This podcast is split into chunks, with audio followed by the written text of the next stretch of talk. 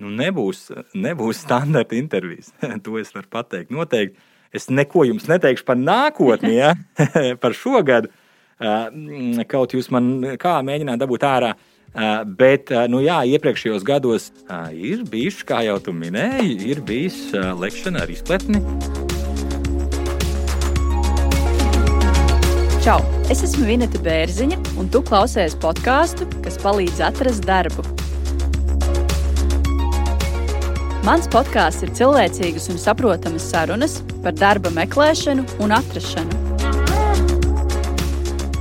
Šodien runāšu ar Aivo Rostu, kurš ir Tele2 komercdirektors. Mēs runāsim par prakses programmu uzņēmumā Tele2, angliski menedžment trainee programmu. Sveiks, Raivo!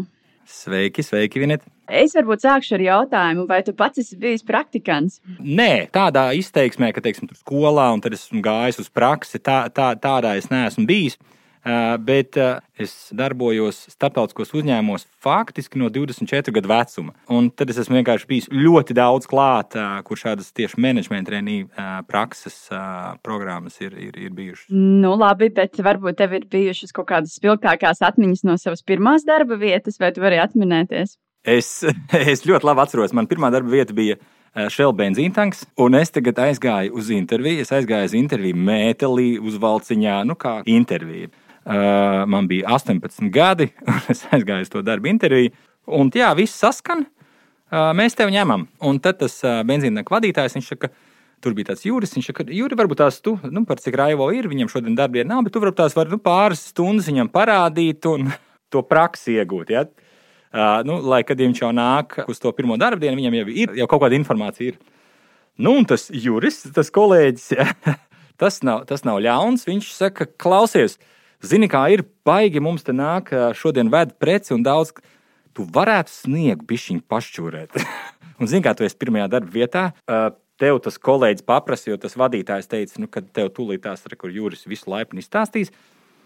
Nu, es saku, jā, nu, un es es tajā metālītī, tajā uzvalkā eh, ņēmu lielo, lielo lāpstu un šķūrēju eh, benzīnu tā kā uz brīvības ielas 176 A. Kā tagad atceros to pantiņu, kas bija parasti jāsaka, kad pacēla telefonu.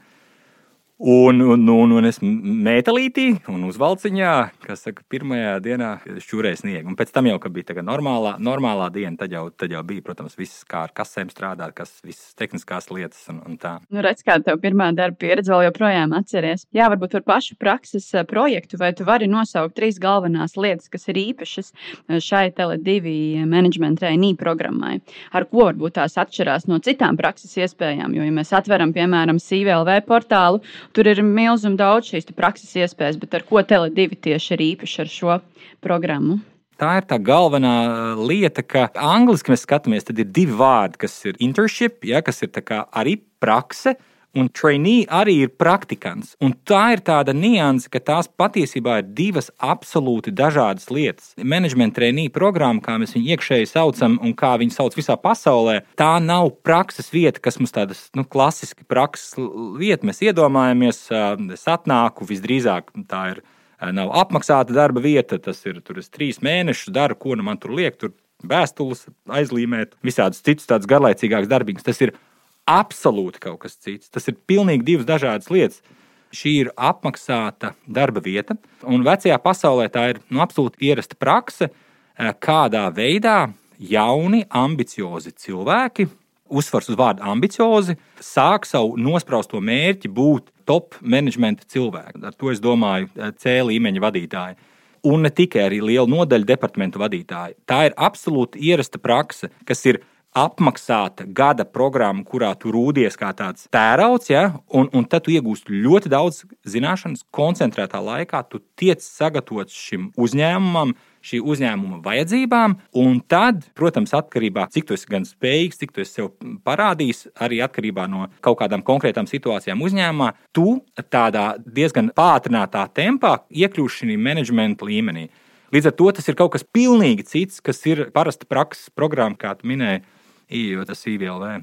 Sapratu, jā, tātad tās trīs galvenās lietas ir apmaks, apmaksāta 12 mēnešus un iespēja tātad strādāt kopā ar, ar Tele2 vadības komandu roku rokā. Bet kāds varbūt ir šis iegūms tieši no praktikanta puses? Pirmā lieta, viņam ir šis shortcuts ja, uz menedžmenta pozīcijām. Tas ir ļoti kā, praktiska lieta. Ja. Bet, ja mēs skatāmies tādu kopumā no iegūmiem, tad tu esi kā labā roka C līmeņa vadītājiem. Un tad tu esi tajā gadā šī vadītāja labā roka. Tad šis cilvēks faktiski piedalās tuvu 100% tajās sapulcēs, kurās piedalos es. Viņš ir kā mana ēna. Viņš tātad tev sakos. Ja? Viņš, viņš ir kā, kā, saka, kā labā roka, un viņš ir visos mītingos. Tad tā pirmā lieta, nu, iedomājieties, Tele2, viens no Latvijas lielākajiem uzņēmumiem, un tu vienā mirklī piekļūsti visiem būtiskākajiem šī uzņēmuma mītingiem, kurā tiek izlemta stratēģija, kurā tiek izlemta taktika, kurā tiek mainīti virzieni, veidoti produkti, mārketinga kampaņas, sales aktivitātes, darbs ar klientu bāzi, lojalitātes aktivitātes. Tu vienkārši vienā mirklī tev ir absolūti simtprocentīgi pieeja. Tā ir tā viena lieta. Otra lieta, šis vadītājs ir kā tavs mentors. Tās nav tikai kad tas praktikants viņš atnāk un rekrutēs tagad strādāja. Ja? Tas ir arī prasības no tā vadītāja. Ja? Arī man tas prasa zināmu atbildību. Tu esi mentors, tu dod zināšanas, tu nodod savu labāko bagāžu pieredzi. Zināšanas, kādā veidā sasniegt šo rezultātu. Un, un vēl viena lieta ir tā, ka tu arī dabūji uzreiz ļoti praktiskus, interesantus projektus. Arī vienā momentā tev iedod kaut kāds konkrēts projekts, kurā tu sevi parādi vai pierādi. Tāpat tās, eh, lai tev būtu tā sasaikne ar praksi, ka tu esi tieši tas, kas veids kaut kādu follow-up, kādā veidā kaut kāds konkrēts uzdevums risinās. Tu strādā ar, ar dažādu veidu darbiniekiem, dažādās sfērās, mārketings, produkti, pārdošanu, privātpersonām, biznesam. Un tu esi šajos uzdevumos iekšā, un tu ļoti īsā laikā dabūni ļoti lielu, praktisku, vispusīgu informāciju. Nu, un, protams, tā ir arī tāda paflirtēšana jā, ar, ar to, ka tu dabūsi šāda līmeņa vadītāja arī uzdevums kaut kādus. Jā, kā es smējos, nu, tajā mirklī, kad aiziešu atvaļinājumā, tu paliksi manā vietā. Būs gan jānovada departaments sapulces, gan būs jāpiedalās vadības sapulcē un jāpārstāv komerces departaments. Nu, tu sajutīsi, ko tas, ko tas nozīmē. Nu, tāda, es teiktu, ļoti liela iespēja ambicioziem cilvēkiem taisīt tādu, nu, varbūt ne trīs solīšus, bet tādu vienu lielu, plašu soli savā, tuvāk savam mērķim. Tā ir tāda, es vēl vienreiz uzsveru, ambicioza cilvēku pozīcija, kurā tev ir jāparāda, ka tu proti peldēt. Tev vienmēr atbalstīs, tev vienmēr ieteiks, bet nebūs tāds, ka, nu, kā saka, darba ikdiena, kurā būs sarakstīts no rīta tas, pēc tam tas, no sākuma aizsūtam e-pastus tam un tam, pēc tam darām to un to, saliekam kaut kāds atgādinājums tur un tur. Nē, tu, faktiski tu būsi tajā pašā darba ikdienā, kādā esmu es. Nu, izklausās tā, ka to jauniņo iemet iekšā tajā dīķī un pašam ir jāpeld. Bet kā ir? Vai ir arī kaut kāda apmācība no tavas puses, no personāla vadības puses, vai tas tiks nodrošināts šim jaunajam cilvēkam? Protams, protams. Jāsaprot, ka tā pati pozīcija, viņa, viņa nav tā, ka te uzreiz tiek, kas saka, iedots uzdevums saraksts un ej, ej un dari. Tu esi kopā ar mani visu laiku. Cilvēks ir visu laiku kopā ar mani. Un viņš var jebkurā mirklī jautāt, jebkurā mirklī uh, kaut ko prasīt. Protams, nav tā, ka es viņam varbūt tās varēšu uzreiz atbildēt. Viņam pašam teikšu, hei, aizēju šo var note, nu, noskaidrot IT nodaļā. Cilvēks tas un tas. Un tajā momentā, nu, tev nav tā, ka es pie rociņas aizvīšu tevi. Nē, tu pats saki, sveiks, šeit. Raivo teica, ka es vislabāk varētu dabūt informāciju šeit un šeit. Eh, vai tālāk tur analītikas eh, komandā, vai, vai, vai, vai tehniskajā nodaļā, tev ir kaut kāds jautājums, vai finanses nodaļā. Tad arī viens no iegūmiem ir tas, ka eh, ir mentors šim praktikantam, bet kā varbūt vispār ir Tele2, kāds iegūms jums ir no šāda praktikanta tātad uzņēmumam? Pagājušā gada beidzamajā kvartālā mēs gājām arī uz universitātēm, pusē pa nopietnam. Um, Es teicu, ka es šodien meklēju cilvēku, kurš izmetīs mani no darba. Jeb šo nu, teiksim, 5, 7 gadu laikā, kad viņš izaug uzņēmumā, un viņš ir ļoti spēcīgs, sev pierādījis, un uzņēmums iegūst spēcīgu kadru, kas viņam pēc tam dod iegūmus. Ir, ir ļoti daudz piemēru, gan, kā jau minēju, uzņēmumā, kurā es strādāju Kādreiz ilgu periodu, eh, MTG 9 gadus, tagad nu, jau 7 gadu strādāju Tele2, un abos šajos uzņēmumos ir ļoti daudzi vadītāji, pat eh, CEO līmeņa. Zviedrijā CEO ir nācis no šīs treniņa programmas. Tātad uzņēmuma galvenais iegūms ir tas, ka tu iegūsti norūdi un, un atlasi sev nākotnes vadītāju. Tas ir tas uzņēmuma galvenais iemesls.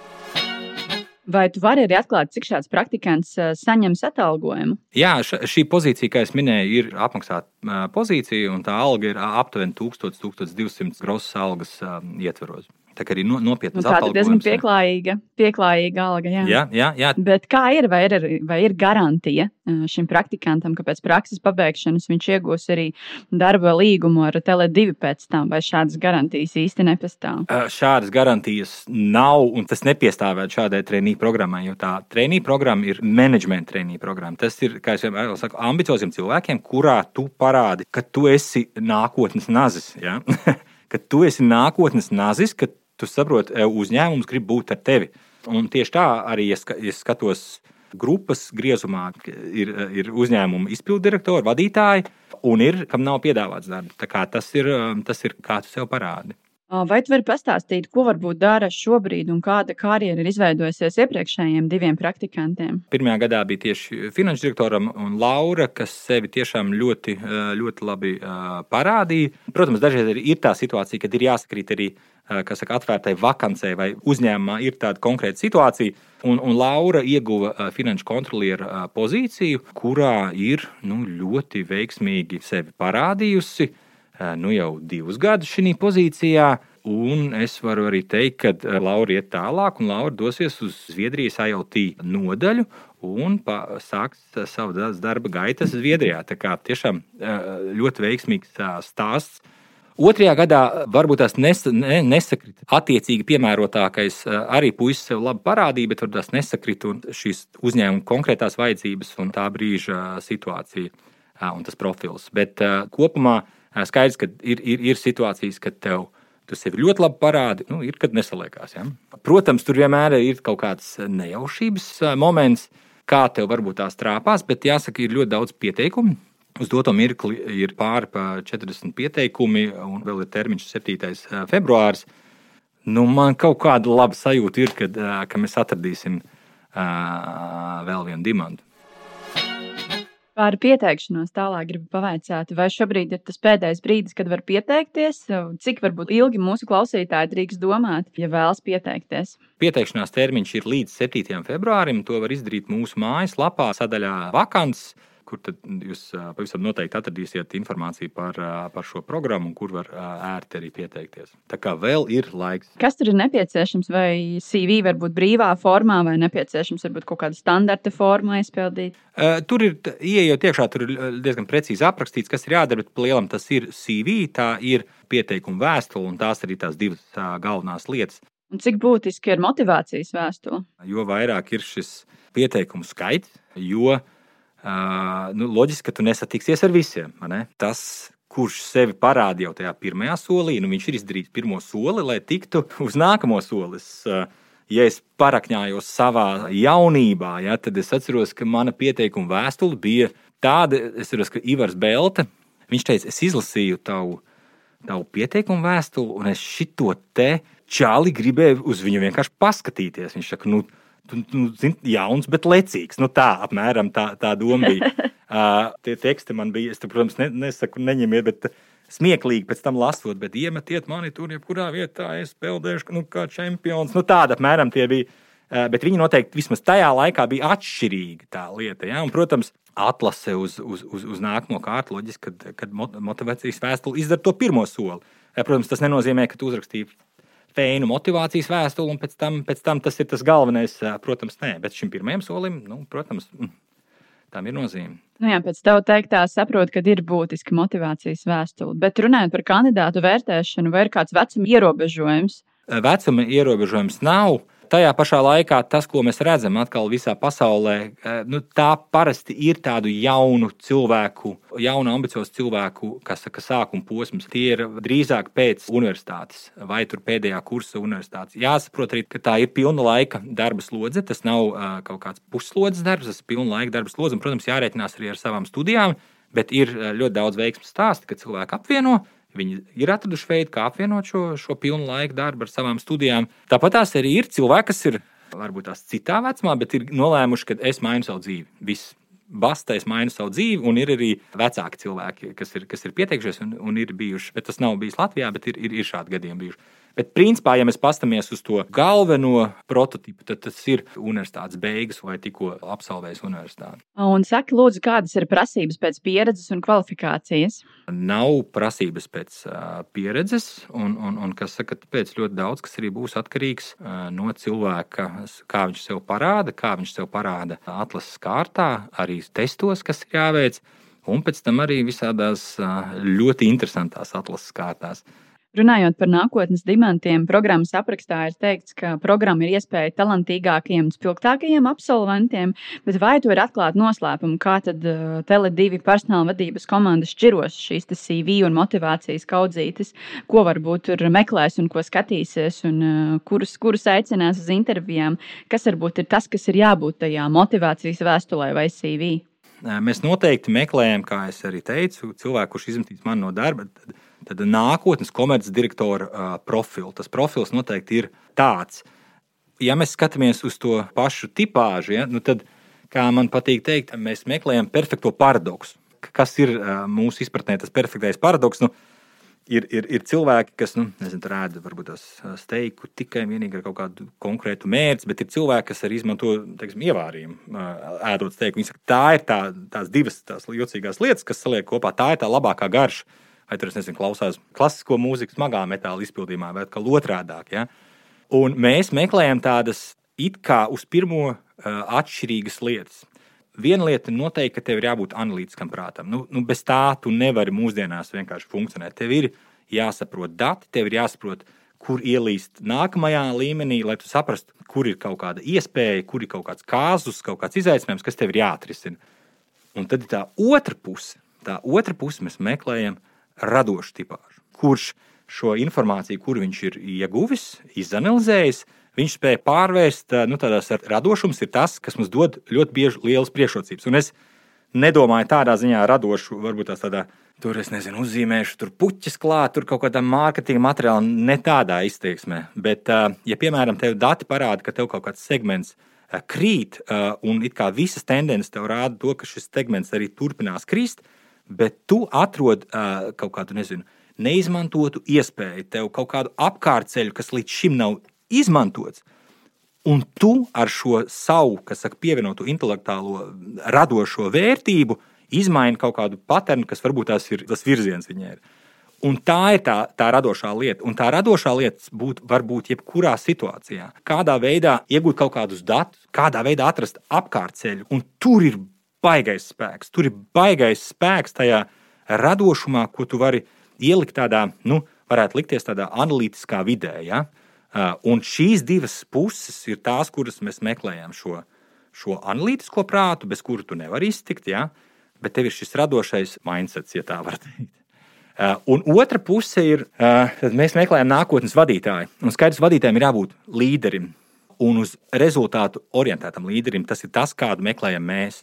Bet tajā pašā laikā, atkal runājot par šo perfekto paradoksu, bieži vien mēs iedomājamies tādu nu, ļoti uz mērķa orientētu cilvēku, nu, nāk tur tādi, nu, tādi, ne tādi paši labākie kadri ja, no vēstures galvā. Tad mēs meklējam šāda veida līderi, kas ir uz mērķa orientēts, bet viņam sirds ir īstajā vietā. Viņš ir labs cilvēks, viņš ir foršs cilvēks. Viņš ir cilvēks, kas panāk rezultātu nevis tur izmiedzot, ja, vai kā saka, iet pāri līķiem, bet viņš panāk to rezultātu tā, ka viņam seko, un tie cilvēki ir priecīgi, iedvesmoti, un viņiem patīk nākt uz darbu vai, vai strādāt attālināti. Viņi saprot, kāpēc tas mērķis ir vajadzīgs, kāpēc mēs uz viņu ejam, jo viņam ir izskaidrots, viņam ir caurspīdīga šī visa vide, kurā viņš darbojās.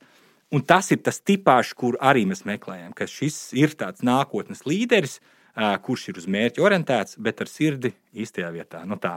Nu, izklausās ļoti izaicinoši, bet paturpinot par kandidātu vērtēšanu, kad varbūt vispār sāksies tā vērtēšana, vai varbūt jau ir sākusies? Kā jau minēju, CV var iesniegt līdz 7. datumam. Mūsu HR komanda jau patreiz darbojās ar pirmo atlases kārtu, jau apzvanot šos cilvēkus. Un tad nākamā kārta būs, kad šis darbs būs izlasīts, tad jau būs tās nākamās kārtas. Saki, lūdzu, tas notiks klātienē vai attālināti, tās intervijas? Pirmās kārtas būs attālināti.